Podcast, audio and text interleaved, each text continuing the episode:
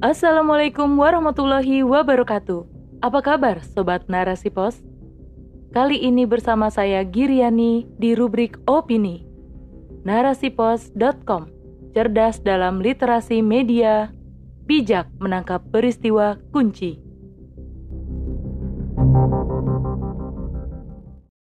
Mortir kiriman bin menyasar Papua oleh Mariam. Conflict Armament Research atau CAR, sebuah lembaga di London, melaporkan Badan Intelijen Negara atau BIN menjatuhkan 2.500 mortir dari Serbia, Krusik, di wilayah kekuasaan KKB Papua. Reuters melaporkan peluru mortir 81 mm sebanyak itu digunakan oleh agen mata-mata Indonesia pada Oktober tahun lalu. Dalam laporan Reuters, senjata yang dikirimkan juga termasuk 3.000 inisiator elektronik dan tiga perangkat pengatur waktu yang biasanya digunakan sebagai bahan peledak. Mortir yang diproduksi oleh Krusik, pembuat senjata Serbia, dimodifikasi agar mampu digunakan dari udara dengan cara dijatuhkan. Mortir tersebut telah diluncurkan di Papua pada 2021 lalu. Salah satu saksi mata menyampaikan tidak ada korban jiwa dalam penyerangan itu, namun banyak rumah dan gereja terbakar. Eneko Bahobol sebagai penyidik Papua mengatakan bahwa 32 mortir dijatuhkan, namun lima yang tidak meledak. Padahal merujuk kepada hukum di Indonesia, militer, polisi, dan lembaga pemerintah lainnya harus mengantongi izin dari Kementerian Pertahanan untuk membeli senjata. Mereka pun wajib memakai bahan produksi pertahanan dalam negeri, seperti PT Pindad yang juga memproduksi mortir secara resmi.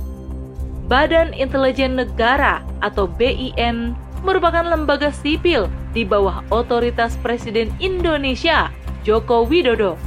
Menurut peneliti imparsial Hussein Ahmad menilai bahwa pembelian senjata ofensif seperti mortir tidak dibenarkan dalam UU Intelijen. Di dalam Undang-Undang Intelijen menyebutkan bahwa fungsi BIN adalah penyelidikan, pengamanan, penggalangan, dan koordinasi. Jadi, tidak diperbolehkan menggunakan kekerasan dalam melakukan fungsi tugasnya, terlebih mempunyai senjata militer seperti mortir. Oleh karenanya, BIN 100% adalah sipil, bukan militer.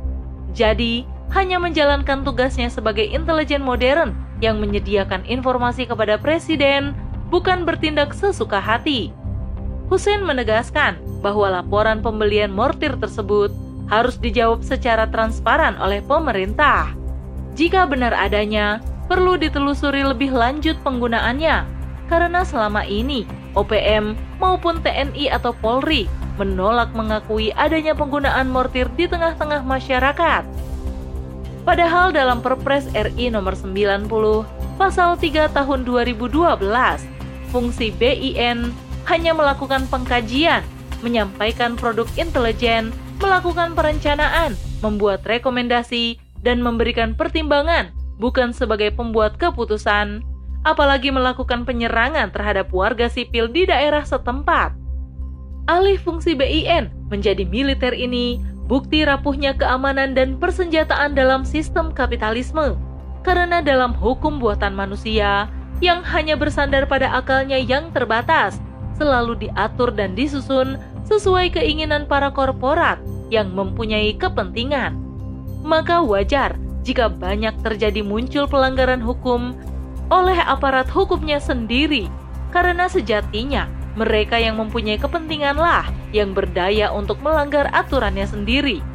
Ini sejumlah pejabat RI dan PT Pindad bungkam terkait persoalan tersebut.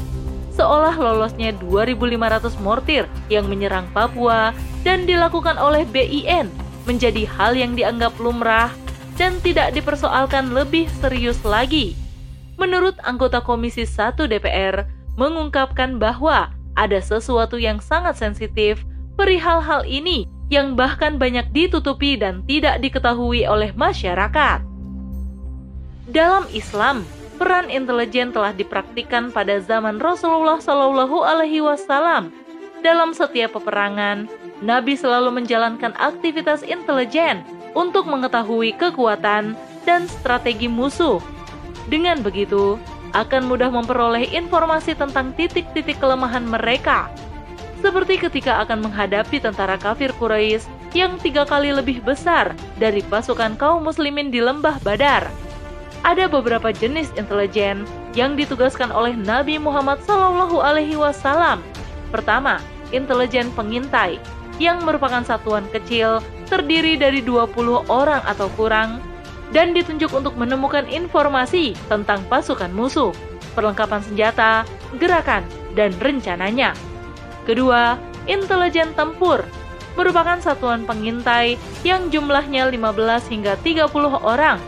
Tujuan intelijen ini untuk menjaga perbatasan negara terhadap penyusupan musuh dan juga menjalankan fungsi sabotase dengan menutup sumber logistik dan persediaan musuh serta melibatkan musuh dalam pertempuran selagi musuh belum dapat menyiapkan diri dengan baik untuk berperang. Namun, peran intelijen ini tidak dibenarkan untuk memata-matai aib seseorang, karena Allah sangat melarang keras umatnya melakukan tajasus atau memata-matai untuk mencari kesalahan orang lain. Sebagaimana Allah berfirman dalam Quran Surat Al-Hujurat ayat 12 yang artinya, Hai orang-orang yang beriman, jauhilah kebanyakan prasangka, sesungguhnya prasangka itu adalah dosa, dan janganlah kamu mencari-cari kesalahan orang lain, dan janganlah sebagian kamu menggunjing sebagian yang lain. Sukakah salah seorang di antara kamu memakan daging saudaranya yang sudah mati? Maka tentulah kamu merasa jijik kepadanya dan bertakwalah kepada Allah. Sesungguhnya Allah Maha Penerima Taubat, lagi Maha Penyayang.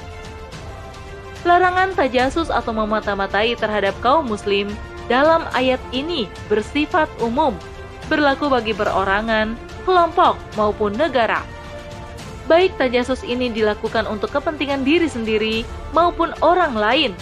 Jadi, aktivitas tajasus ini hanya ditujukan terhadap negara-negara kafir. Bahkan adanya intelijen atau aktivitas tajasus terhadap manuver negara kafir adalah wajib.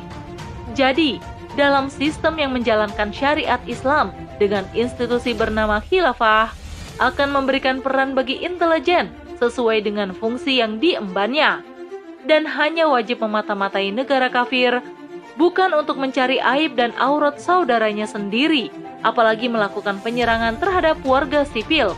Wallahu a'lam bishawab. Wassalamualaikum warahmatullahi wabarakatuh.